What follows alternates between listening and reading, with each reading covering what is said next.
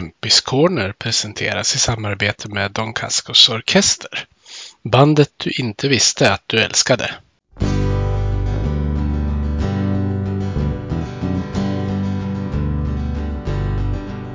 Vi hejar på Modo, rödvit och grön. Klubben i hjärtat, en känsla står skön. Övik, ja, Övik, ja, där trivs vi. Med matcher i lyan, ja, då är det fest. För vi är...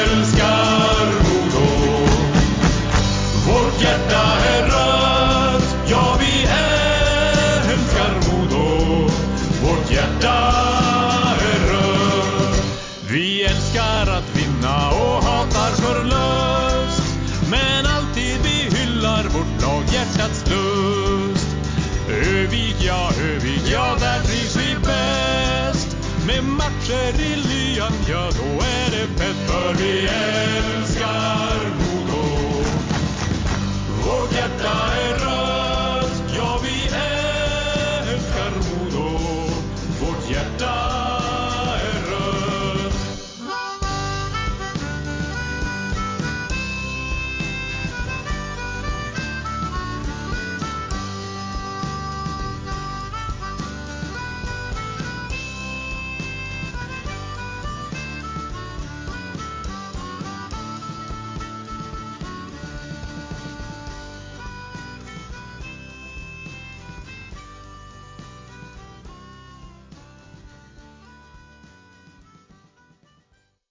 Hej och välkomna ska ni vara till eh, den här Modopodden Kempis Corner med mig Peter Kempe och som min gäst idag har jag med mig Modohockeys J20-tränare Emil Svelander. Välkommen Emil! Tack så jättemycket Peter. Det känns kul att vara här. Vad bra! Då tänkte jag att vi ska köra igång direkt. Och jag brukar ju börja den här podden med två standardfrågor. Och den första av dem det är vilken anknytning har du till Modo? Ja, den viktigaste anknytningen är väl att jag jobbar åt Modo Hockey eh, på heltid och har gjort det under några år. Eh, och sen så innan jag kom hit så, så verkade jag i Kramfors ett antal säsonger som juniortränare där och, och hade att göra med den juniorsatsning som, som bedrevs där på den tiden och lite grann runt det lokala hockeygymnasiet som finns där också. Och där, där började väl liksom Modo intresset att växa för mig och jag, ja, jag följde föreningen på ganska nära håll. Man var här och tittade mycket och jag gjorde ett, eh, ett par studiebesök också i, i juniorverksamheten och hockeygymnasieverksamheten och på den vägen så fick jag bra insyn i, i, i klubben och framförallt på juniorsidan då också, lärde känna lite folk och sådär.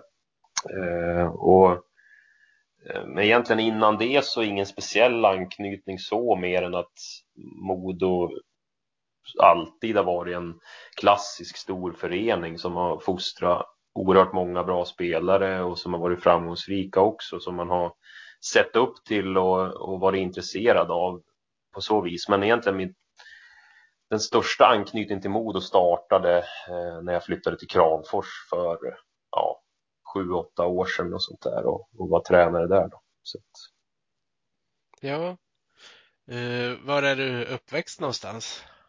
Jag är uppvux, uppvuxen i Njurunda utanför Sundsvall.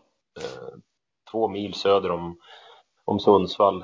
Eh, och gjorde ju mina första stapplande hockeyskär i Njurunda ishall också. Heter Modino Zetterberghallen numera. Eh, och höll på med hockey till jag fyllde 20 någon gång, tror jag det var det, 2021.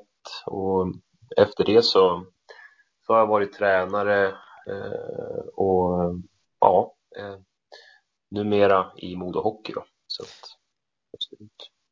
Ja, jag brukar ju ha en, en andra fråga jag brukar ställa till alla också. Har, har du några minnen från Kempehallen? Jag vet inte hur insatt du var i Modo på den tiden.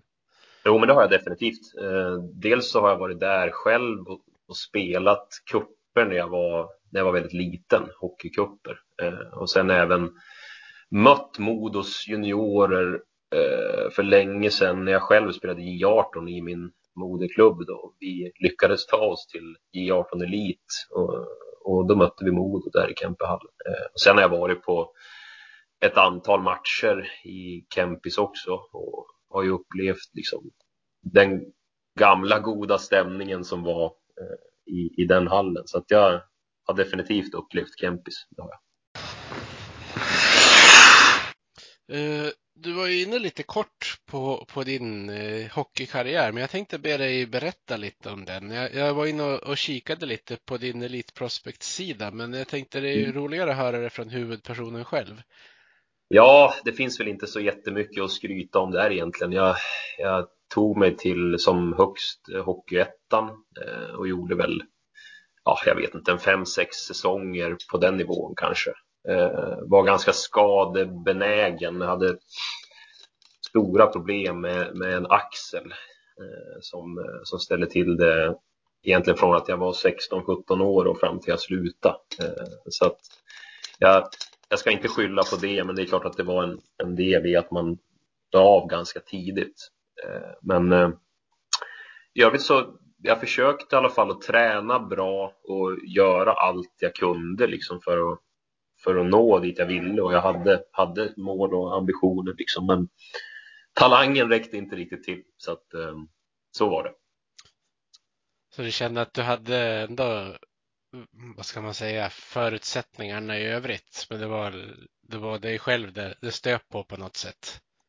Ja, men det måste jag säga. Ehm, jag tycker som sagt att jag gjorde väldigt mycket för att försöka komma till nästa nivå. Så jag tränade bra och liksom alltid, alltid lagt vikt vid att vara bra förberedd och så, ge allt i, i alla lägen. Men, men jag, jag känner att dels beroende på skadan, men främst kanske på bristfällig talang, att man inte tog sig längre än, än Hockeyettan. Nu är ju inte det jättedåligt, men, men det är ju inte uppe på någon professionell nivå. Så att, eh, jag har ju som sagt ingen, ingen jättekarriär som, som spelare på det viset och, och skryta med. Det, det, kan jag inte påstå. Men jag har alltid tyckt att hockey har varit fantastiskt kul och har alltid tyckt om att träna som sagt och älska att spela match och har alltid varit intresserad av taktiska, det taktiska spelet, hockey och Eh, även som spelare så, så tyckte jag det var roligt med olika typer av varianter i uppspel, tekningar, vad som helst och sådana grejer. Så det har alltid, alltid varit en hockeynörd som har följt eh, egentligen all hockey och som sagt alltid varit intresserad av, av själva spelet också och hur man kan utveckla det. Så att, eh, och där tror jag väl lite grann att jag kom på ganska tidigt att jag skulle vilja jobba som som ledare eller tränare liksom i framtiden eh, med tanke på att jag som sagt alltid har varit intresserad av, av eh, ishockey på det viset. Då. Ja, eh, har du haft några hockeyförebilder under uppväxten? Som, som alla andra som är i min generation eh, eh födda tidigt 90-tal så är Peter Forsberg är ju den absolut största.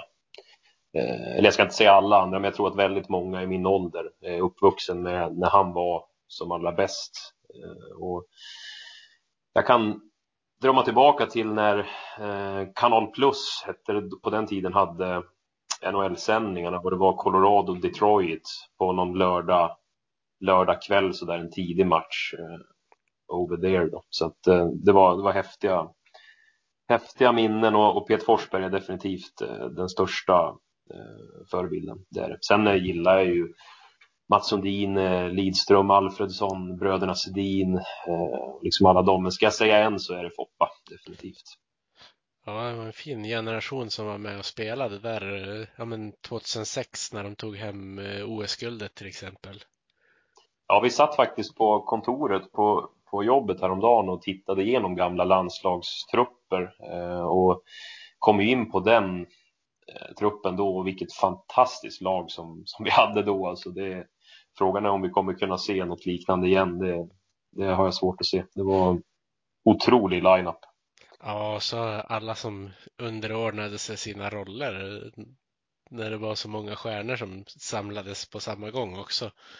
Ja, men jag har alltid upplevt eh, det ändå som en, en styrka med svenska landslag, främst i hockey, att man, man är bra på det där och, och det finns som en tydlig hierarkisk eh, uppdelning ändå, även fast alla är superstjärnor i sina klubblag. Eh, och det är liksom inget snack om att Mats Sundin ska vara lagkapten och det var inget snack om att Foppa var den största stjärnan och, och sådär. Eh, och jag tror att det, det har att göra med främst den generationen tror jag också, med de killarna som, som var väldigt ödmjuka personligheter och fostrade i en, i en ödmjukhet eh, och en anda som, där, man, där man ska göra rätt för sig och, och spela för laget. Så jag tror att eh, främst de generationerna där 70-80-talisterna var väldigt, väldigt bra på det där. Ja, eh, man kan ju bara ta en sån sak som att det var ju självklart att Peter Forsberg skulle få ha sitt nummer, även om Jörgen Jönsson hade börjat en turnering med den siffran på ryggen. Mm. Ja, men det är ju ett jättebra exempel och där Jörgen är ju en fantastiskt, eh, som jag var inne på, ödmjuk, bra person. Om vi tar honom som exempel då. Han var ju en stor stjärna hemma i Sverige och var ju ofta med i de här turneringarna trots att han bara spelade i elitserien då. Alla andra kom från NHL i stort sett då. Eh, och han, eh, han accepterade alltid det och, och ändå stoppade in allt han hade i sin prestation och verkligen bidrog på, på sitt sätt också. Eh, så att, nej, det, det är ett bra exempel. Ja, Eh, hade du något favoritlag i, när du växte upp?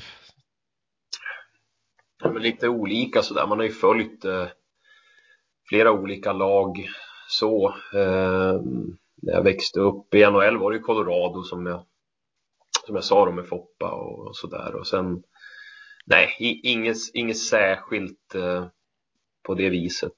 Eh, sen har, nu när man har blivit vuxen så, så är det ju mer att man njuter man ju av all typ av bra hockey och främst då när det går bra för ens, ens eget lag och ens egen klubb som, som är Modo. Så att... Eh, höll du på med, med fler idrotter när du var yngre? Ja, jag spelade som de flesta andra spelade fotboll och sen började jag också spela golf när jag var eh, 10 år någonstans där, 10-12 år och håller på med det fortfarande så det har ju varit en, en livslång aktivitet som, som har funnits hela tiden. Då. Så att, eh, det var väl hockey, hockey främst och lite fotboll och ganska mycket golf på, på somrarna. Mm. Eh, tycker du att, att unga hockeyspelare ska kombinera med andra idrotter? Ja, det tycker jag definitivt. Eh, sen kommer man ju till en, en gräns där, det, där branschen ser ut som den gör, att du behöver du behöver satsa och du behöver kunna tillgodogöra dig eh, den eh, hockey, om vi tar hockey som exempel, då hockeyspecifika träningen för att kunna hänga med dina, dina konkurrenter och dina lagkamrater eh, och så. Den, den gränsen går ju oftast vid sommaren innan man börjar på hockeygymnasiet om vi tar det som exempel. Då. Mm. Men klarar man av att att även då eh, få in det i schemat att spela fotboll eller innebandy eller vad det nu är så, så är det jättebra för det stimulerar ju till spelförståelse, eh, koordination, alltså all typ av, av fysiska kvaliteter som man vill ha eh, och dessutom tekniska, taktiska grejer också så att det är ju det är bara en fördel om, om man nu kan få in det men man ska ha tid för återhämtning också. Eh, och eh, Sen vet jag ju att eller ja, paddel till exempel är ju väldigt populärt idag. Det är ju jättemånga hockeyspelare som spelar paddel. Och det, det tror jag är bra så länge det finns liksom en balans i det så att det inte blir för mycket och, och det tar från, från ens huvudsakliga syssla. Då. Men svar på din fråga generellt sett är jag positivt inställd till att hålla på med flera olika idrotter. Det är jag definitivt, men jag tror att man behöver specialisera sig eh, när man ska börja sin elitsatsning. Det tror jag. Ja, det var faktiskt min följdfråga, men då har du redan svarat på den. Om när man ska, ska börja satsa på en idrott. Ja. ja. Men eh, om vi ska återgå till dig. Du, du började din tränarkarriär ganska ung. Kan du inte berätta om när, när du bestämde dig att det var dags och hur, hur du gick tillväga när det, när det blev aktuellt? Ja, nej, men som sagt så har jag under hela egentligen från kanske att jag var 15-16 år där och framåt så har jag varit intresserad av ledarskap och av, som jag sa, hockey på ett annat sätt än som spelare, alltså mera taktiska mönster och sådana grejer har jag varit intresserad av. Eh, så att sen när jag slutade spela, jag tror det var kanske säsongen 11-12 eller någonting sånt där, eh, 10-11, någonting sånt, så fick jag direkt ett samtal från eh, min moderklubb, då Njurunda SK, där de frågade om jag ville vara tränare för J18-laget där. Då. Och det tog jag eh, och hade som en bra eh, första start där på en ganska låg J18-nivå. Det var regionala J18-serien där som, som jag fick starta i och lära mig jättemycket eh, på det viset. Och trots att ambitionsnivån och generellt hos spelarna kanske inte var toppnivå så, så försökte ändå jag, jag fick ändå blodad tand och försökte ändå driva det på ett så, så professionellt sätt som möjligt.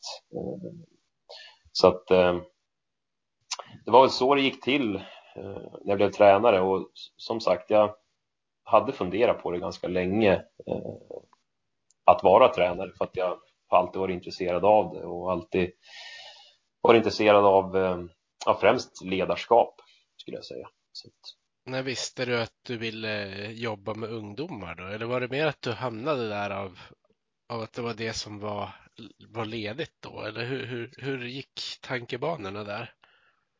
Nej, men det var, det var ju mer en slump att det blev så. Hade jag fått en fråga om att träna ett seniorlag eller ett ungdomslag så hade jag nog tagit det också i det läget. Men det blev J18 för att det var där de ville ha en, en person. Då. Eh, och sen så har jag egentligen bara eh, bara jobbat med J18 och J20 eh, under tränarkarriären. Bortsett från ett kortare inhopp i herrlaget i Modo i, i höstas, vintras, så har jag varit med, med bara juniorer och det är fantastiskt roligt. Det måste jag säga. Vad, vad har du för ledarord, eller ledord när det gäller spelarutveckling?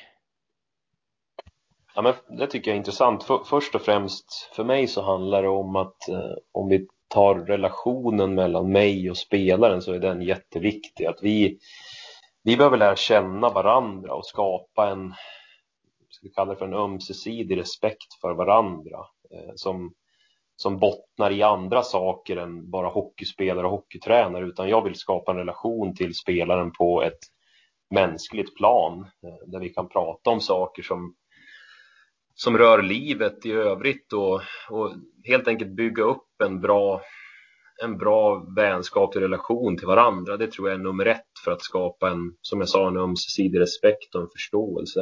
Eh, och för att, för att jag ska kunna få fram mina budskap och kunna hjälpa spelaren på det sätt som, som jag vill så behöver jag veta vad, vad den, hur den personen funkar och vart den personen vill någonstans också med sin hockeykarriär. Jag tror inte på att jag ensam ska staka ut en färdriktning för en annan människa. Det, det tror jag inte på, utan det handlar om att byta bilder och, och, och skapa en gemensam eh, väg framåt. Eh, det, det, tycker jag är det absolut viktigaste innan man kan börja jobba med mera hockey, hockeymässiga saker då, med både is och fysträning och sådana grejer utan jag startar alltid med att eh, försöka etablera en bra relation med, med människan så vi litar på varandra och sen, sen tar vi det därifrån.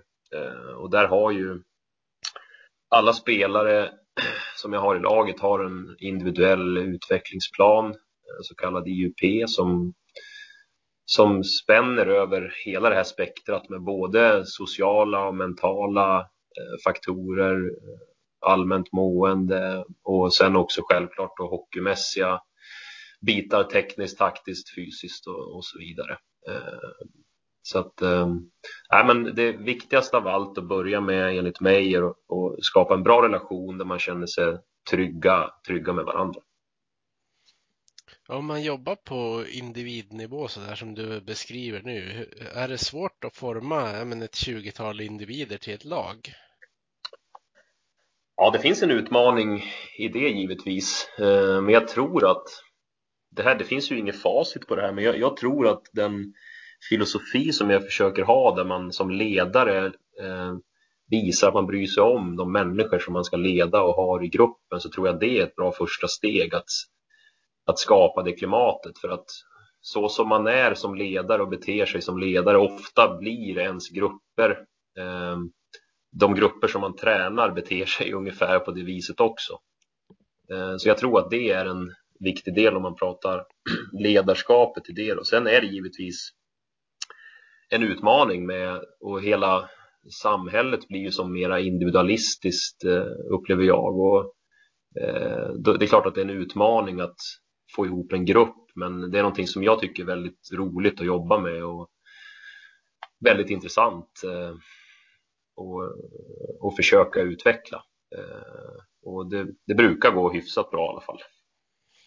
Ja, du var ju inne på att eh, men, 70-talisterna och 80-talisterna kanske hade lättare att underordna sig. Hur upplever du att dagens generation av hockeyspelare är när det gäller sånt?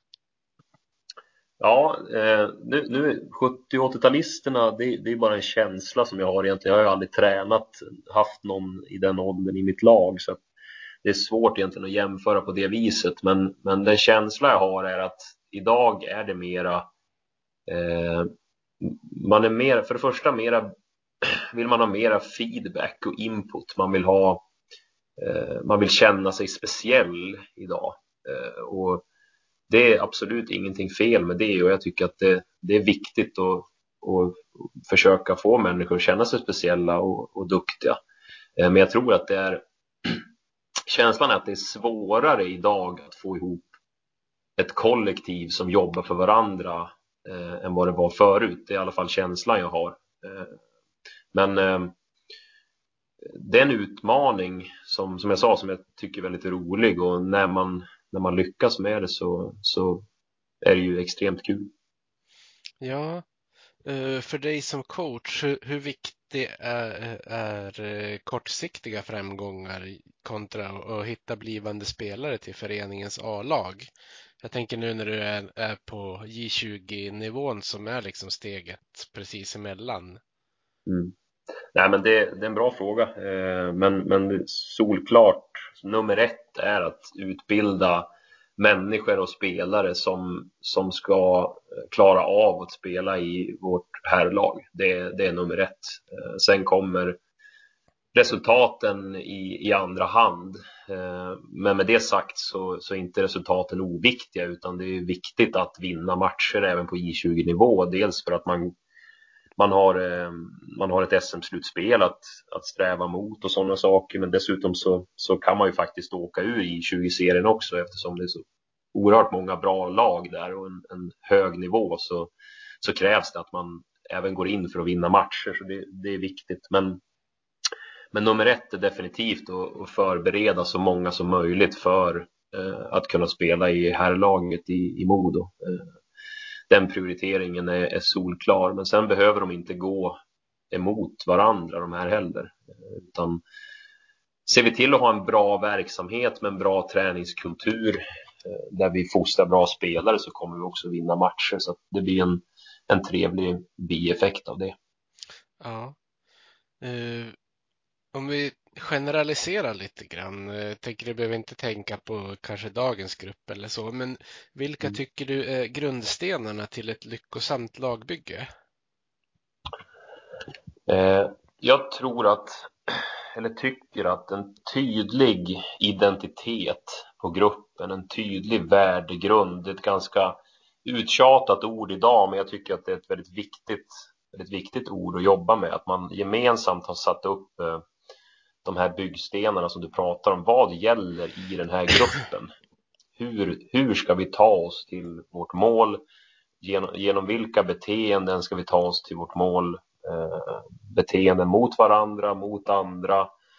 Vad är okej okay att göra? Vad är inte okej okay att göra? Så att hela gruppen, spelare och ledare eh, delar samma bild av vad, vad, vad innebär det att spela i Modo som förening? Eh, och vad innebär det att spela i Modos J20 i det här fallet då? har man det så, så tror jag det är en bra start. Och där är det viktigt att alla får komma till tals eh, så att inte jag står där själv som ledare och säger att vi ska göra så och vi ska göra så i alla frågor. Ibland behöver man göra det också, men i de här större värderings och identitetsfrågorna så är det jätteviktigt att även spelarna och alla andra ledare är involverade också för att kunna få en följsamhet eh, på det sen. Det, det tror jag är en jätteviktig byggsten. Eh, nummer två tycker jag är att ha ett, och det blir inte en liten effekt av den här värdegrunden, det är att ha ett, ett tryggt klimat, en, en trygghet i lokalen, en trygghet i gruppen där alla, alla känner sig välkomna och alla känner att man, man kan vara sig själv, man kan det är okej okay att ha en dålig dag, eh, man får visa känslor, både glad och, och ledsen och, och arg och så vidare. Eh, inom, inom ramen för vad, vad laget har bestämt. Då. Eh, det tror jag är jätteviktigt att man känner den tryggheten och, och där spelar ju ledarskapet en viktig roll men också spelarskapet. Hur, hur, eh, hur vill vi att våra modospelare ska vara och uppträda mot varandra? Ehm, det skulle jag säga är de två eh, viktigaste sakerna när man pratar mjuka värden, då mer utanför isen. Ehm, I övrigt så ett framgångsrikt lag, det handlar om att bygga en, en träningskultur som är positiv, där man stimulerar och, och triggar varandra till att eh, träna mera och, och bättre än, än, alla andra lag och alla andra spelare. Eh, och det kan man ju skapa på, på lite olika sätt och sådär, men det, det har mycket att göra med också vad du har för typ av individer i, i gruppen och vad det är för, för typ av karaktärer eh, och sådär. Men, men det skulle jag vilja säga är, är de tre viktigaste eh, byggstenarna och sen också att givetvis att man har, har ett lag med individer som jag sa som, som tävlar och verkligen vill vinna och, och brinner för, för att vinna och brinner för sin hockey. Mm. Det var ett bra svar måste jag säga. Ja, tack. Eh, jag tänker på, du, du var ju inne lite grann på hur man beter sig mot varandra och mot andra. Eh, då kommer jag att tänka lite grann på, ja men senast i natt så var det ju någon sån här uh, lite halvtveksam tackling som hände borta i NHL-slutspelet. Mm. Jag tänker mellan Winnipeg och Montreal bara just i det här exemplet. Men jag tänker generellt, uh, om du märker att som tränare att dina spelare tar till fula knep på och kanske även utanför isen för att vinna en enskild match. Vad, vad kan du som tränare göra då? Nej, men det, kommer ju, det kommer ju ner till, till ledarskap, det gör det. Sen är det ju såklart, det finns ju grader i helvetet så att säga. Om någon eh, har gått över gränsen så, så kommer man att hantera det som, som ledare. Då, det måste man göra. Eh, för någonstans så även om vi vi inte tycker om varandra Eh, eller vi inte tycker om motståndarna när vi möter dem så är det ändå människor som vi ska ha respekt för som, som vi möter. Så att det, det, det är definitivt eh, viktigt att som ledare markera om det skulle hända någonting, eh, att någon går över gränsen på det viset. Både, det kan vara både beteendemässiga saker men även fula grejer på isen och sådär. Då, då är det viktigt att visa, visa ledarskap där tycker jag och, och hantera det. Ja, eh, vad kan man göra om man skulle se ett mönster då? Är det, är det skarpa samtal man får ta till eller finns det något annat man kan göra? Nej, men det, det, det beror ju såklart på vad som har hänt och, och vem det är också. Eh, för att du behöver ju, i och med att du, jag pratade tidigare om att lära känna människorna så, så lär du dig också att du behöver jag ska inte säga behandla alla olika, men du behöver ha olika strategier för olika människor.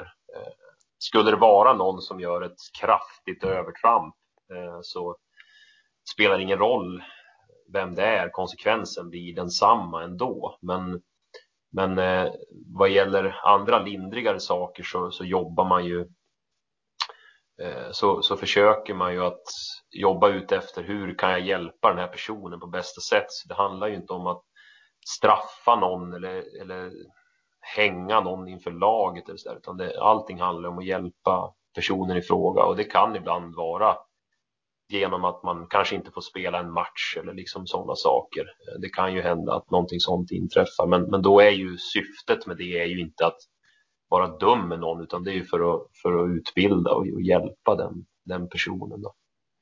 Ja. Så att egentligen samtal, samtal, kommunikation, dialog, relation, det, det är de viktigaste punkterna i sådana här frågor tycker jag. Och har man en, en bra upprättad relation med en människa så, så är det väldigt sällan som, som den personen strider mot de värderingar som vi har bestämt gemensamt. Men sen kan ju en, en tacklingssituation kan ju bli mycket värre än man var tänkt från början såklart. Men det var ju kanske inte just bara en sån grej jag tänkte på utan det var ju överlag och det fick jag ju ett bra svar på. Ja, nej men sen jag, jag vill jag vill inte tro att det finns någon hockeyspelare som medvetet eh, kör över någon eller tacklar någon för att skada sådär utan jag tror att eh, det, 99 procent av de här situationerna med fula tacklingar är olyckliga och det är otur. Sen, sen behöver vissa spelare lära sig att både ta emot tacklingar på ett annat sätt men också dela ut tacklingar med större respekt på isen. Men jag tror att det är ytterst få spelare i hockeyvärlden som är ute efter att skada. Eh, det, det tror jag att det är. Så Ja. Eh, men eh, när du ändå är inne på det där med att lära sig ta emot tacklingar, är det någonting som man kan börja lära ut i, i yngre ålder? Jag tänker när du har tränat de som är J18 och J20, då, då ska de väl ändå ha kommit ganska långt i sin utveckling när det gäller sådana där saker? Ja, eh, men det, det, är någonting som jag tror att vi hela hockey-Sverige bör bli bättre på att prata om och utbilda och det är någonting som jag själv definitivt behöver bli bättre på att lägga mera tid på att hjälpa spelarna det, både tekniskt och taktiskt hur man kan ta emot tacklingar och vilka situationer man ska undvika att sätta sig i och så vidare. Så jag, jag, tror att det, det, är viktigt att vi blir bättre på det allihopa. Eh, om vi ska bli kvitt de här hjärnskakningarna som, som ofta det innebär. Då. Men eh, jag läste i och för sig någonting häromdagen om att hjärnskakning, statistiken sjunker eh, i svensk hockey, åtminstone SHL tror jag det var. Så att, eh, det är i alla fall positivt. Men, men jag tror det är en viktig fråga, tacklingsmottagaren. Man kanske inte alltid kan spela sig ur alla situationer och man kanske ibland ska prioritera att försvara sig själv och sätta en, en ehm, offensiv tackling på den som kommer istället för att bara ta emot tacklingen för att jag ska spela med pucken, eh, till exempel som back som hämtar pucken i sarghörnet eller sådär, så, eh, så, så kan det ibland vara att man bör prioritera att skydda sig istället. Och där spelar ju vi tränare en, en viktig roll, vi ledare, som att det ska vara okej okay att, att göra det i de situationerna för att man måste få få tacklas i hockey och jag tycker definitivt att man måste få fullfölja tacklingar. Eh, för annars så, så är det inte hockey på det sätt som, som så många älskar att se det. Nej, så är det ju. Um, är det någonting man brukar gå igenom på tränarutbildningar? Det här med tacklingar och eh, vilken sorts skador det kan leda till om det inte görs på rätt sätt och så vidare det, det har gåtts igenom eh, någon gång sådär, men det, det, är ingenting som, vad jag vet, eh, läggs något jättemycket tid på på tränarutbildningen. Det är möjligt att det har förändrats under senaste året här. Eh, jag har inte varit på någon, någon ledarutbildning inom ishockeyn senaste året, så det, det, kan jag inte svara för. Men, men jag vet att Hockeyförbundet vill ju förändra det här och vill att vi ska bli bättre på det och det är inte omöjligt att det har dykt upp mera på utbildningarna eh, sen jag utbildade mig senast. Eh, hur många, eller vad har du gått för tränarutbildning? Det, det finns väl steg som jag har förstått det va?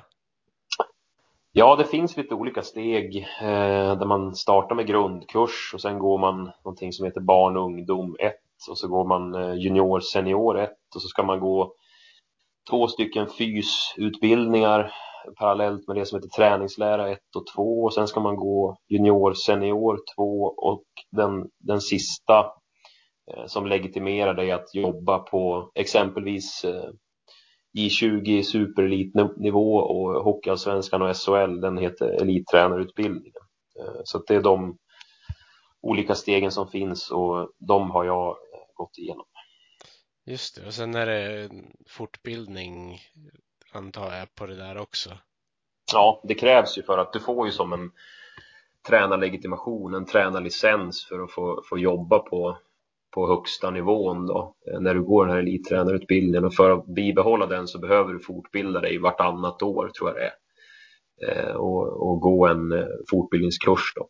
Eh, så att, och där tycker jag förbundet har väldigt bra utbud på, på utbildningar. Dels de utbildningar som ligger i den stege som jag pratade om, men även eh, de här fortbildningskurserna kan vara målskytte, backspel, forwardspel, eh, olika typer av videoanalyser, eh, videotekniker och så vidare som de fortbildningarna kan handla om och, det är oftast väldigt, väldigt intressanta eh, utbildningar.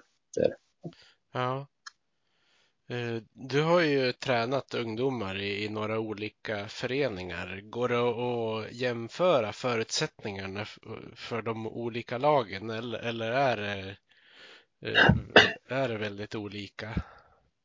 Ja, men det är klart att Modo Hockey har ju, det är ju solklart bäst förutsättningar här och det är ju den enda riktiga elitföreningen som jag har varit i också. Eh, men sen Kramforsalliansen, nu har de tyvärr inte kvar sitt J18 eh, men eh, där har man under lång tid haft ett, ett relativt framgångsrikt J18-lag som har eh, gått till slut, SM-slutspel flera år och, och jag tycker även att vi, vi gjorde bra saker när jag var där med, vi hade enormt fina förutsättningar med, med både ledarstab och ishallen är fin, ett bra omklädningsrum och sådana bitar. Så att där, tro, folk kanske inte tror det men där och då så fanns det jättebra förutsättningar i Kramfors och man spelade ju trots allt i i samma serie som Modo, Skellefteå, Timrå och Luleå, de klubbarna eh, före jul då på J18-nivå. Så att det var en väldigt bra förutsättning där då. Men, men tar man på det stora hela så är det ju såklart så har ju Modo klart bäst förutsättningar med både faciliteter och ekonomiskt och kvaliteten på spelarna och allt sånt där. Det är utan konkurrens.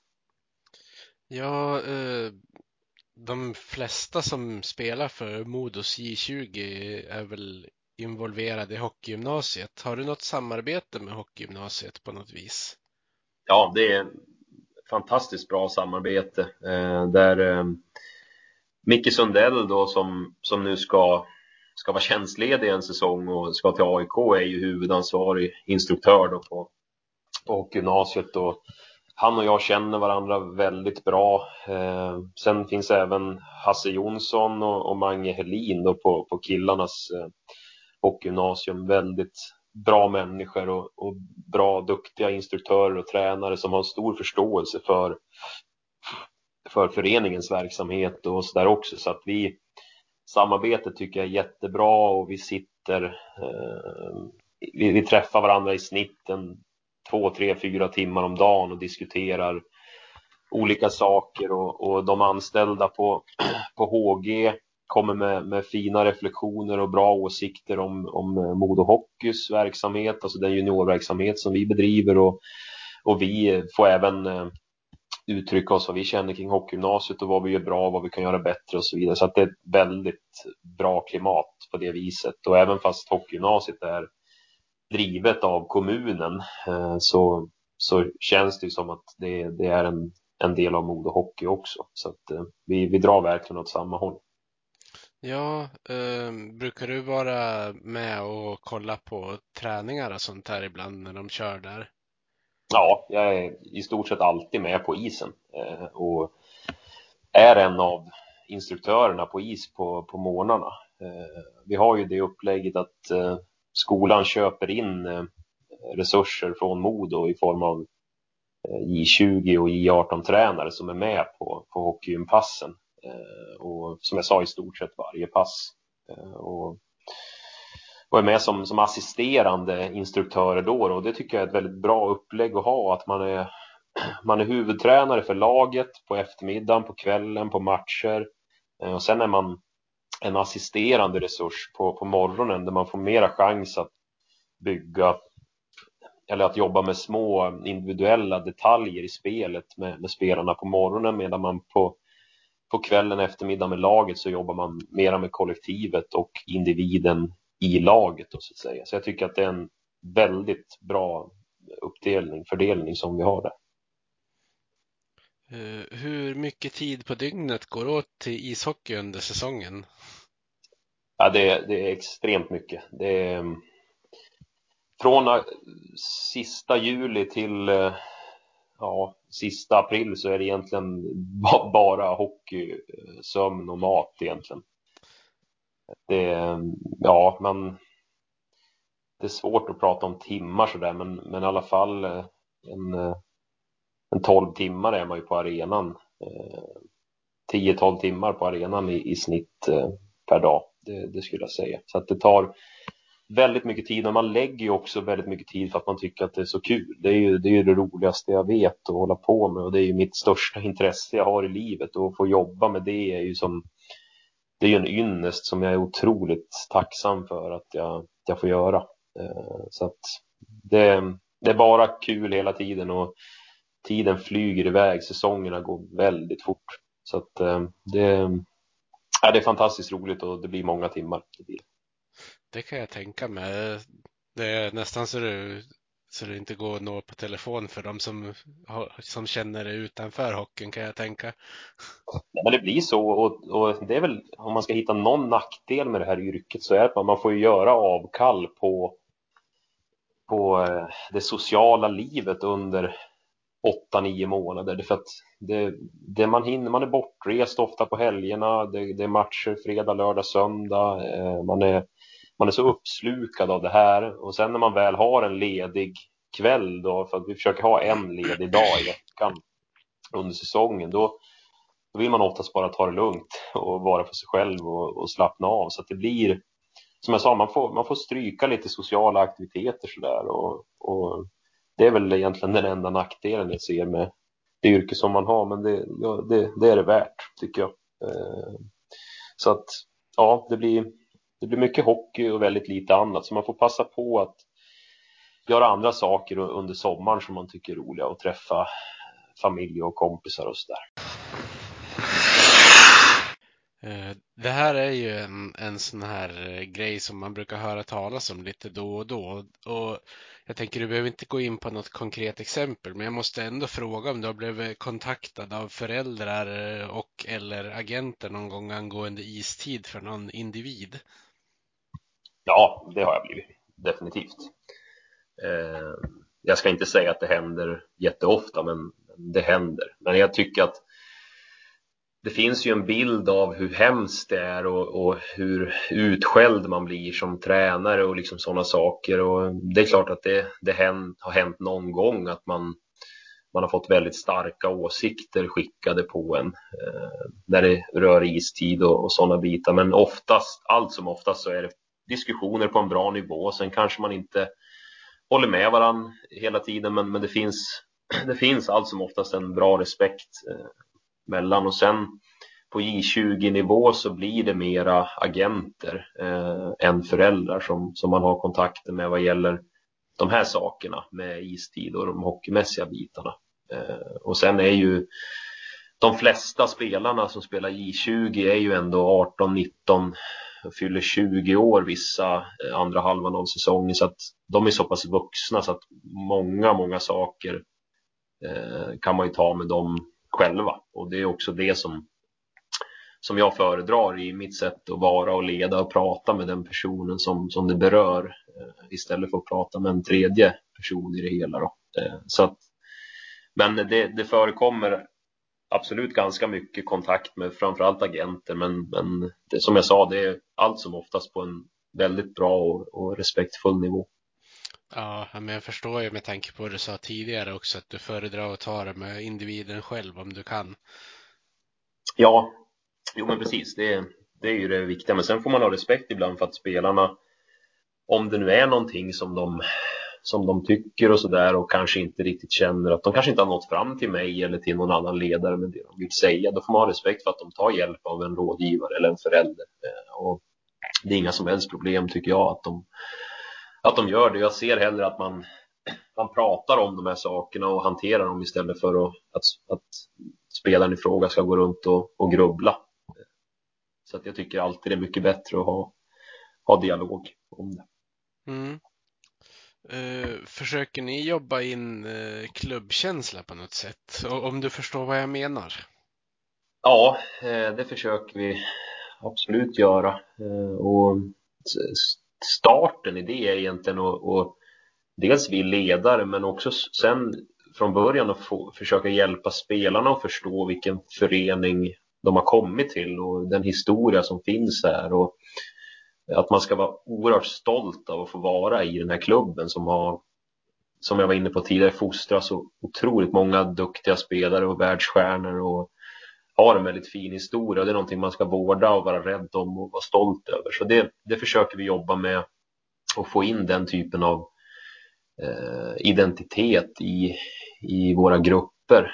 Eh, och, och sen handlar det om kontinuerligt att, att sätta stort värde i att det vi pratade om lite grann innan, att vara en lagspelare och att spela för föreningen och jag tror att ledarrollen här är viktig, att man pratar om de här sakerna att det är faktiskt i första hand så spelar vi för föreningen Modo Hockey, i andra hand så spelar vi för Modos I20 och, och sen spelar jag för mig själv i det här fallet. Och sen är ju alltid eh, alla individer har ju en egen drivkraft och det är, ju det, det är ju grunden i ens idrottande, att man tycker att det är roligt och att man strävar mot någonting själv. Men just i, när man drar på sig föreningströjan så är det, det är nummer ett. Eh, så vi, vi försöker jobba med det. Sen Sen kan man inte förvänta sig att alla ska bli modoiter in i hjärtat så. Det, det vore naivt att tro det, men om, eh, om de flesta spelarna kan, kan få känslor för föreningen och vilja, vilja jobba hårt för föreningen så då, då tror jag man har, har lyckats. Så det, det är det vi, vi strävar efter i alla fall. Ja, eh, vad, vad tror du krävs för att Modo som förening ska kunna behålla sina största talanger ett eller två år till? Jag kan, jag kan ju tänka mig att det, det är väl inte bara en eller två som har lämnat de senaste åren. Ja, det där är ju en miljon kronors frågan. Men jag tror att bedriver vi en bra verksamhet, för det första på juniorsidan eh, och, och sen också på Eh, ännu viktigare kanske på herrlagssidan, då kommer vi skapa oss bra förutsättningar. Eh, och det tycker jag att vi gör. Men sen är det en otroligt eh, svår bransch idag. Det är en väldigt stressig värld för de här unga hockeyspelarna och det är många, många aktörer som har åsikter. Det är agenter, eh, det är eh, scouter, det är eh, föräldrar, alla möjliga som har, som har åsikter som den här unga killen då ska ska ta hänsyn till och då, då är det svårt att, att koordinera i det. Så att det, det är en svår fråga, men, men jag tror att om, om, vi, som jag sa, har en bra verksamhet där spelarna utvecklas, vilket jag tycker att vi har, så, så tror jag det, det är den viktigaste delen i det. Och sen tycker jag att man åtminstone ska ha, så länge vi är i Hockeyallsvenskan får vi acceptera att vi tappar eh, eller får vi köpa att vi tappar spelare till SHL? Eh, det får vi göra, men jag tycker att innan man tar det steget så bör man åtminstone ha varit en bra spelare i Modos herrlag i SHL. Eh, jag tycker inte att man behöver ha mer, eller i Hockeyallsvenskan. Jag tycker inte att man behöver ha mer bråttom än så eh, faktiskt. Jag vet inte om, jag, om du fick svar på frågan här, men, men eh, ja, det är ungefär så jag, jag tänker. Jo, men jag tror det. Eh, men Tror du att eh, dagens hockeyklimat som har gjort att, att spelarna har bråttom uppåt, om man ska säga så? Eller bråttom att leta sig någon annanstans om de inte får den rollen de vill, eller vad det nu kan vara? Ja, men jag tror det. Och sen eh, dessutom så du ska vara väldigt bra om du, om du som väldigt ung spelare ska slå dig in och få mycket istid i SHL. För det skiljer ändå en hel del mellan SHL och Hockeyallsvenskan. Eh, och jag, jag, tror att det blir eh, det är klart att man blir smickrad som, som ung kille och i det här fallet om, om en SHL-förening ringer och, och är intresserade av en. Det, det, är klart att man blir smickrad då. Om man dessutom har folk runt sig som, som också blir smickrad så blir det väldigt svårt att, att hantera det på ett annat sätt. Eh, så jag tror att den världen som är idag är väldigt tuff för de här unga, de här unga spelarna. Eh, men också hur, hur vi ska kunna behålla dem att vi går upp i SHL med herrlaget är ju, det är klart att det är viktigt för så länge vi är i allsvenskan så, så kommer vi ju att, att tappa någon spelare. Eh, det, det, tror jag. Om, eh, om de växer ur kostymen så att säga. Men jag tycker ju att man, man åtminstone ska göra ett, eller minst ett, helst två bra år där man är ordinarie på riktigt i Hockeyallsvenskan innan man sticker vidare. Det tycker jag. Ja. Uh, jag tänker att vi ska hoppa över till eh, den föregående säsongen. Eh, hur mycket svårare har ditt jobb varit under den säsongen som har varit?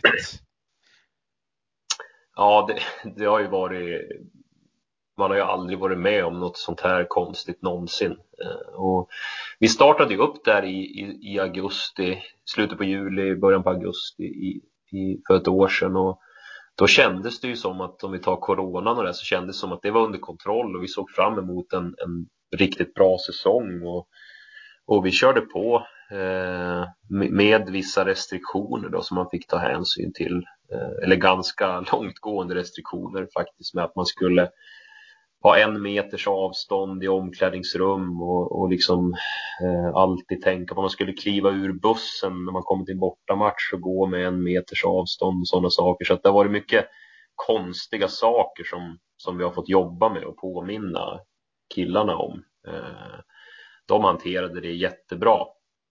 Eh, men hockeymässigt så har det varit en stor utmaning och, och att vi, J20 till exempel har inte spelat en match sedan första november. Eh, och under tiden så har vi, vi har ju kunnat träna egentligen med normal verksamhet nästan hela tiden och haft hockeygymnasiet igång och vi har när vi inte fick träna inne eh, inomhus i arenan så tränar vi på Getinghov i Järved utomhus och eh, trots att det någon gång var 20-25 minus och sådär så att vi har försökt i alla fall att upprätthållit en, en bra träningsverksamhet och det har funnits faktiskt en fördel med det. Det är att många av spelarna har blivit fysiskt ännu bättre tränade än vad man normalt sett blir under en säsong. Så verkar ha tränat hårt och, och, bra hela tiden. Men det är klart att det har varit enormt motivationstapp i form av att inte få spela matcher. För det är det som är hela, det är det som är examinationen. Det är det som är, är hela grejen att vara hockeyspelare eller idrottare överlag. Det är att få tävla. Så att eh, det har varit väldigt konstigt, men jag, jag, måste säga att jag tycker att våra killar, våra spelare har gjort det otroligt bra. Eh, och vi har ingen som har slutat eller gett upp eller något sånt där, utan de har kämpat på och verkligen försökt se positivt på framtiden. Eh, så att eh, vi känner oss väldigt, väldigt motiverade och eh, väl förberedda inför kommande säsong här som, som startar om om ett par månader. Ja, eh, men hur, hur var det när ni höll på att förbereda er och väntade på besked om serien skulle starta igen? Eller från början var det väl när serien skulle starta igen och sen eftersom så blev det väl mer om serien skulle starta igen? Ja, det började egentligen med att det kom de här lokala allmänna råden, tror jag det heter, från eh, de olika regionerna, i vårt fall Region Västernorrland, där man där man eh, på olika håll i landet så, så tog man bort möjligheten för, för juniorer att spela hockeymatcher och andra idrotter också. Till en början så, så, ehm, så verkade det som att J20 superelit och J18 elit bedömdes vara yrkesmässig eller yrkesförberedande verksamhet. Och så vi fick ju spela ett par veckor där trots att det fanns lokala allmänna råd eh, som, som jag minns i alla fall, jag tror att det var så. Men sen drog, eh, drog man in det där och, och ingen junioridrott överhuvudtaget tilläts ju. Och då, då blev det väldigt, väldigt, väldigt tomt och, och konstigt. Och, men man har ändå hela tiden, egentligen ända fram till slutet på februari, början på mars, så hade man någon typ av förhoppning om att det skulle bli eh, skulle bli någon typ av, av matchspel och förbundet jobbade hårt för att lösa det med att spela mera lokala matcher och eh, liksom stryka seriespelet men att hitta små turneringar på, på regional nivå. Och till exempel i Region Norr här då har vi kunnat spela mot Skellefteå, Timrå och Luleå till exempel. Eh, men eh, sen visade det sig att det gick ju inte heller och någonstans där i, i början på mars så, så kände man att det blir inga mer matcher nu utan nu får vi fokusera på att bara träna och vi, vi startade egentligen sommarträningen med våra lag i 20 och I18 redan i, i mars månad och tränade fem till sex fyspass i veckan kombinerat med fem till sex ispass i veckan också. Så att vi, vi fick en väldigt lång och bra uppbyggnads, uppbyggnadsperiod.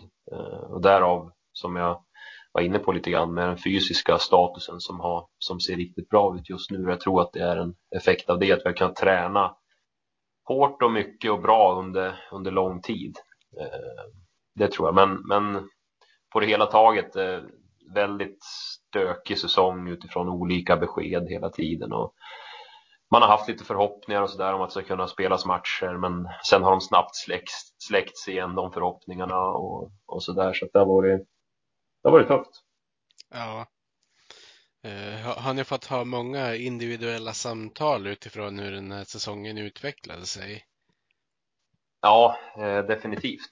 Eh, sen försöker vi som, som jag var inne på lite grann och, och alltid ha det oaktat om det är en pandemisäsong eller inte. Eh, men det har, det har kunnat bli några samtal extra sådär och, och prata, framförallt prata med killarna om hur de mår och hur situationen påverkar dem. Eh, och vad jag och vi kan, kan göra för att hjälpa dem och hur, hur motivationen är och så. Jag tycker vi har haft en bra, ärlig dialog hela tiden med spelarna. Att de, de flesta känner ju att det är otroligt tufft att inte få spela matcher men, men de har ändå knutit näven i fickan och, och sett till att och träna bra och förbereda sig för att eh, ser man det här ur ett eh, karriärperspektiv så, så, så är det en väldigt kort tid. Det handlar om ett halvår av ens karriär som, som, har, som matcherna har försvunnit ifrån. Och, eh, och det är ju inte så mycket om man tittar på en karriär som kan hålla på till man är 40 år. Eh, så att det är liksom så vi har försökt prata med dem i alla fall. Och, och jag tycker att de, som sagt, våra, våra killar har gjort det otroligt bra. Ja. Eh, tror du att det kommer bli, bli svårt för några av de här första års seniorerna att hitta nya klubbar eller tror du att det går att, att hitta även om de inte fick visa upp sista året i, i J20? Då? Ja, men det är klart att det är en utmaning och jag vet att förbundet har, eh, har eh, utökat sin dis dispensering så att nu får man ha fem stycken överåriga i J20 serien då. Men jag tror inte att det är så många som kommer utnyttja det och det är väldigt sällan som, som det är överåriga spelare i J20. Det är väldigt ovanligt. Eh, så att jag, våra eh, 01 då som det är, födda 2001 som vi hade förra säsongen, eh, de har lyckats hitta föreningar att vara i. Och, eh, främst är det väldigt kul de som har fått chansen att vara kvar här i Modo men sen har det löst sig med Hockeyettan klubbar och, och eh, någon spelare ska till, till Norge och så där. Så att de, de allra flesta har hittat eh, ställen att vara på så det känns ju bra. Men jag tror att generellt så är det, så är det utmanande och, och kanske eh, hade möjligheterna varit eller möjligheterna hade ju varit ännu större för dem att få spela på en ännu högre nivå om säsongen hade kunnat genomföras. Så det är klart att det är ett, ett problem för, för svensk hockey, men vi har inte sett effekten riktigt av det än, så vi får väl se vart det tar vägen. Ja. Eh, om du fick ge ett råd till den kullen, vad skulle det vara? Oj, det var svårt. Eh, man man ger så många råd till vardags. Så att, ja. eh, nej, men det är ju helt enkelt att i nuläget så hoppas man att de har hittat klubbar vara i och då är det ju försöka försöka träna eh, så bra det bara går och, och lite grann ta igen eh, det man tappade under säsongen som var här. Och faktum är ju att under en, en period också så, så var det utpekat från Folkhälsomyndigheten eh, att de gränsen går vid personer födda 2002. Att man fick träna överhuvudtaget om man inte var i en yrkesmässig verksamhet som, som det bedöms. Då. Så att det var ju en hel del spelare födda 2001 som inte fick träna med ett lag överhuvudtaget, eh, vilket kändes otroligt tufft där och då mot dem. Eh, så att de har haft det tufft och sådär, men det, det rådet jag, jag, kan ge är ju att helt enkelt då, kämpa på och att det finns en förståelse för att det har varit ett väldigt tufft år, eh, men att nu blickar vi framåt och, liksom, och nu, nu ser vi fram emot en, en normal säsong, den som komma skall. För jag, jag tror verkligen att det kommer bli en åtminstone hyfsat normal säsong i alla fall. Ja, det går ju framåt med vaccinationer och grejer så man håller ju tummarna att det fortsätter rakt uppåt som det har sett ut nu. Ja, precis. Eh, och det, det är glädjande att se att det både smittspridning och, och vaccination och så där går åt rätt håll. Så att jag, och jag tror att det ska mycket till innan man inskränker eh, ungdoms och junioridrott igen. Jag tror att det, det, det har sådana enorma effekter, negativa effekter på, på hälsan i stort över längre tid. Så jag tror att det, eh, det är ett av de sista ställena som man, eh, som man drar ner på faktiskt. Det tror jag. Ja, för det är väl lätt kanske att folk sitter och tänker mycket istället och att det blir lätt att man kanske ja, men, blir nedstämd eller någon, något åt det hållet när man inte får utöva den här fysiska aktiviteten man är van att göra i vanliga fall. Ja, absolut. Det och sen också den här sociala aspekten på det, att få, få vara i sitt lag och få dagligen träffa sina kompisar och, och kämpa tillsammans och ha roligt ihop. Det är ju en, det är en otroligt stor del av de här killarna och tjejernas liv är ju deras idrott. Framförallt de som har valt att göra en elitsatsning och har kommit in på, på en elitförberedande, i en elitförberedande verksamhet så är det ju ja, jag ska inte ge någon procentsats, men det är en väldigt stor del av livet som går åt till det här och när det rycks ifrån en så är det klart att då, då blir man, då blir man ledsen. Det är, ju, det är inget konstigt alls med det. Och eh, ja, det har vi fått eh, fått eh, prova på nu. Och eh, det har varit, det har varit utmanande. Och det, det finns de som, som eh, har varit ledsna. Och det finns de som har lyckats hålla humöret uppe hela tiden. Och det, det är lite grann hur man är som, som person och sådär också. Men jag tror att innerst inne så, så tycker nog de flesta att det har varit ett ganska tråkigt år om jag ska vara ärlig. Ja, jo men det, det, det, kan jag absolut tänka mig för det är väl ganska generell syn på det hela liksom överlag. Även om det är folk som bara kanske har behövt jobba hemma eller vad man ska säga. Men det är, ja. om man tänker på de som har satsat och lagt ner så där många timmar och så som du säger, det bara rycks bort. Så där. Det, det är klart att man blir påverkad. Det går ju inte att komma ifrån. Nej, men precis. Eh, sen eh, menar inte jag på att det är någon mer synd om, om de, de som håller på med ishockey än om någon annan. Liksom det, det här året, ett och ett halvt år snart, har varit väldigt jobbigt för alla eh, alla människor och jag har stor respekt för de som har drabbats hårt av sjukdomen och så vidare. Men nu när vi pratar hockey och Modo så, så nej, där, där, var det, där var det tufft för, för oss allihopa. Det har det. Ja, Jo, men det blir ju, det blir väl mer så att man, man snackar ju mest runt hockeyn när man har en sån här nischad podd som det blir. Men självklart har det ju påverkat folk, folks liv och det ju, finns ju många som har till och med avlidit av den här sjukdomen, så det är ju, man skulle kunna prata i fyra timmar om det om man bara pratar om covid-19. Men jag tänker vi, vi, vi släpper det fokuset nu tror jag. Ja, det är bra. Det har varit nog snack om det ändå. Exakt. Precis. Uh, jag tänker på för, för er i, i J20, hur ser försäsongsträningen ut? Tränar ni liknande som A-truppen gör eller har ni satt upp er egen prägel på det? Nej, men vi har ett utbyte där och, och då är det ju främst, eh, vi har ju Modo Sports Academy med Jocke Bäckström, eh, Tobbe Nordin och Mange Håkansson i, i spetsen som är ansvariga för fysträningen.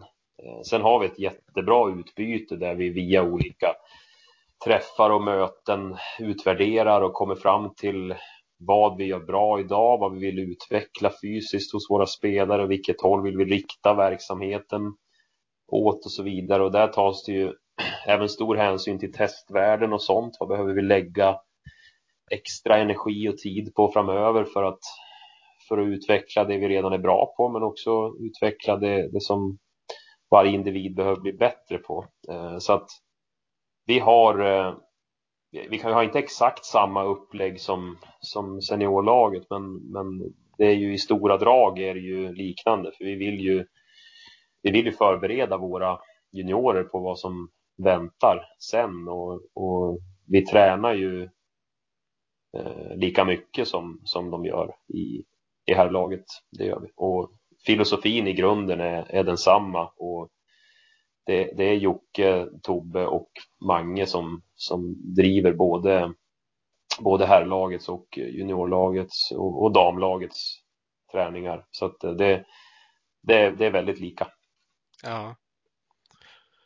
Eh, jag tänker om vi ska prata om, om dig lite grann då. Hur är, är du som tränare och, och, coach? Om du kan försöka bedöma det själv. Ja, nej men det, jag skulle säga att det är lite grann det som vi pratade om i början där att jag, eh, jag försöker att bry mig om, eh, bry mig om de människor som jag jobbar med, alltså spelarna i det här fallet då, och se dem som människor i första hand och spelare i andra hand och, och um, försöka att uh, skapa en miljö där de känner sig trygga, uh, där man kan vara sig själv, uh, där man i lugn och ro kan, kan jobba jobba med att utveckla sig själv som, som spelare och människa. Eh, och jag jobbar väldigt mycket med kommunikation. Eh, försöker att prata med alla spelare varje dag. Eh, sen blir det eh, lite mer med någon ena dagen och lite mer med någon annan nästa dag och så där beroende på behov och så vidare. Men, men kommunikation är otroligt viktigt. Sen, sen ställer jag också höga krav eh, i det här och det, det handlar inte bara om att eh, att eh, prata och skapa relationer och så där, utan kraven är skyhöga eh, på våra spelare eh, och de ska de ska göra rätt för sig, de ska prestera, eh, de ska göra allt de kan eh, och gör de det så, så har de bra förutsättningar till, till att lyckas. Men, men för att sammanfatta mitt ledarskap så, så, så bygger det mycket på, på relation till eh, de människor som jag ska leda och gruppmässigt, kollektivt så handlar det om att, och försöka möta gruppen lite grann där den är. Eh, man går igenom lite olika faser som grupp. Eh, behöver inte gå in i, i jättedetalj i det, men och att ha ett situationsanpassat ledarskap lite grann för beroende på vart gruppen är någonstans. Om man behöver extra tydlighet och att jag som ledare pekar ut färdriktningen i, i en gruppfas och så kanske man behöver lite mera bara coachning och, och stöttande i en annan fas och så vidare. Det gäller att hela tiden ha, ha koll på vart gruppen befinner sig någonstans och, och situationsanpassa sitt, sitt ledarskap lite grann där. Men sen det viktigaste, absolut viktigaste som jag ser det, är att man är sig själv hela tiden och att man, man försöker undvika att spela någon, någon, någon roll sådär, utan man, man är sig själv och, och då, då tror jag också att man man får som, som flest spelare med sig på, på tåget också. Är det så som du säger på slutet med att man ska vara sig själv? Är det, är det en eh, sån här egenskap som du tycker att en bra ledare ska ha? Ja, definitivt. Eh, för, för om man alltid är sig själv så vet, då vet de man ska leda vart de har en någonstans. Eh, och om man vill skapa osäkerhet i en grupp så, så då ska man ha ett ledarskap där de aldrig vet vart de har en. Eh, det eh, om, om jag går till mig själv och tänker på ledare som man har haft och sådär så, så blir det, man blir osäker om det är en ledare som pendlar väldigt mycket i vad man tycker och i humör och sådana bitar. Eh, så att jag, jag tror det och att man går in i roller och så, här. så jag tror det är väldigt viktigt att man, man är sig själv. Sen får, får man givetvis som ledare ha, ha en mindre bra dag och, och man, kan, man kan vara på eh, ett bra humör ena dagen och ett sämre humör nästa dag och sen är det bra igen. Det är inget konstigt, man är ju människa. Men jag tror att att ha en hyfsat eh, en jämnhet i sättet att och, och, och leda och vara på tror jag är, tror jag är viktigt. Eh, och sen får man helt enkelt när man känner att det kanske blir slentrian i vissa saker och eh, spelarna vet hela tiden vad som de kan förvänta sig och vad som ska ske. Så där, då får man bryta av lite grann ibland. Det är där kom, man kommer in på att man behöver följa, följa gruppen eh, och se lite grann vart, vart den är någonstans och ibland bryta av och säga något eller göra något helt annat än vad man gör annars. Eh, men det, det är sådana här grejer som man får ta lite grann på, på magkänsla eh, som, som ledare tycker jag. Ja, precis. Eh, men vad, vad har du för mål med din tränarkarriär? Eh, målet och hela tiden innan jag kom till Modo så, så har det varit att bli professionell tränare och det är jag ju nu i och med att jag jobbar heltid med det. Eh, och jag trivs så otroligt bra att, att vara i, i den här organisationen och att träna just nu då J20 i Modo så att eh, just nu är det mitt mål att göra, göra ett fantastiskt bra jobb med Modos J20-lag och, och, för, för hela organisationen. Eh, det, det är det som är målet just nu och sen är det klart att man, man drömmer om att få coacha i eh, Hockeyallsvenskan eller SHL eller sådana saker men, men det är som ingenting som som jag känner att jag måste göra imorgon utan jag är otroligt eh, tacksam att jag har den, det jobb jag har idag. Eh, så att just nu så, så är jag väldigt tillfreds med, med det. Och så har du fått gjort en del eh, expertanalyser också i Modo Channel, eller hur? Ja, precis. Eh, det är någonting som är väldigt kul också och det är ett fantastiskt gäng med människor som jobbar runt, runt Modo Channel och Eh, de flesta helt på ideell basis som, som offrar eh, kvällar och helger och nätter för föreningen och för att supportrarna ska få en bra produkt att njut, och njuta av. Så att jag vill verkligen hylla dem eh, här. Martin och, Per och Ricky och hela gänget som, jobb, som jobbar med de, med de sändningarna. Och det är otroligt rolig miljö att, att komma in i och, och få uttrycka vad man, vad man tycker och tänker lite grann kring, kring matcher. Och dessutom så har man ju med att jag jobbar i, i föreningen och så väldigt nära här laget så, så har jag ju en, en hel del insikt i hur, man jobb, hur de jobbar och, och hur man bedriver verksamheten. Så då, då, kan man i alla fall dela med sig av, av lite av det, så det, det är bara kul. Och det får jag ju göra när, när det passar helt enkelt, när det inte krockar med egna träningar eller matcher eller sådär. Men det är oftast så, så funkar det bra i schemat.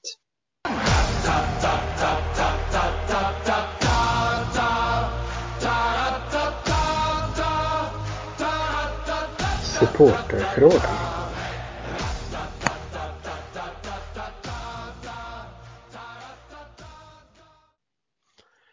Då tänkte jag att vi ska avsluta med lite supporterfrågor bara. Mm.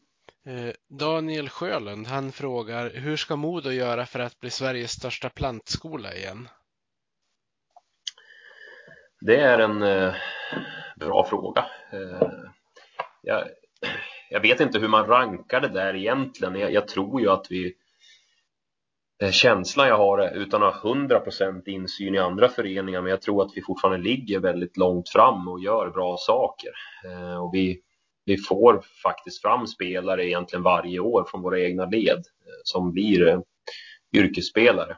Eh, men sen tror jag det, det handlar ju mycket om också Eh, Eh, dels kontinuitet som är ett väldigt populärt ord men ett viktigt ord eh, att ha det på, på ledarsidan i det här fallet och eftersom juniorer växer ju ur juniorkostymen år för år så att då blir ledar, ledarskapet blir viktigt att man har en kontinuitet där så man kan bygga upp eh, en, eh, en identitet och en verksamhet som, som håller över tid.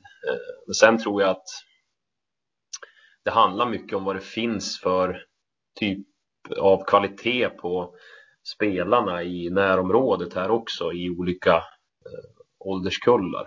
Eh, och Modo har ju en fantastisk historia av att fostra, eh, fostra bra spelare och vi, det, det är ju länge sedan någon förening överhuvudtaget, jag vet inte om någon klubb någonsin har haft en sån generation som 73orna till exempel i Modo. Det kommer nog aldrig hända igen heller, så det kanske är lite orättvist att och jämföra oss med det, men, men jag tror att eh, kontinuitet som sagt är viktigt på ledarsidan och att vi med kontinuitet i lugn och ro jobbar på på samma sätt år ut och år in så, så kommer det att, att, att ge frukt helt enkelt. Men det, det är en svår fråga och en, en intressant fråga, men det gäller att vi gör det vi tror på. Det är det som är det, är det, som är det viktiga.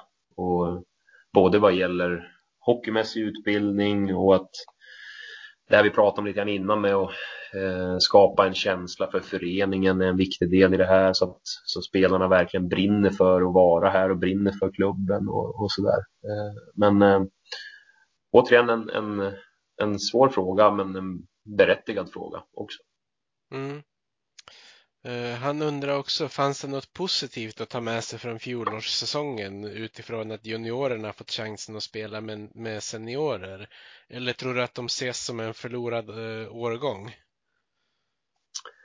Ja, de som, det vi var inne på lite grann innan här med att man har ju eh, åtminstone kunnat tränat, eh, träna bra under tiden. Och om nu någonting är positivt så är det ju det. Och sen så fick ju några av våra juniorer chansen och när inte J20-serien var igång så, så fick eh, flera spela med vårt herrlag och några blev utlånade till Hockeyettan och sådär och fick känna på, på den typen av seniorhockey också så att det var ju positivt eh, för dem. Men jag, men jag skulle säga att det, det finns inte eh, någonting eh, väldigt positivt med någonting med säsongen som var egentligen utan eh, det var en jobbig säsong för alla och det, även om vi som jag sa fick träna bra under långa stunder och sådär och några blev utlånade så hade det såklart varit mycket bättre med en normal eh, matchsäsong.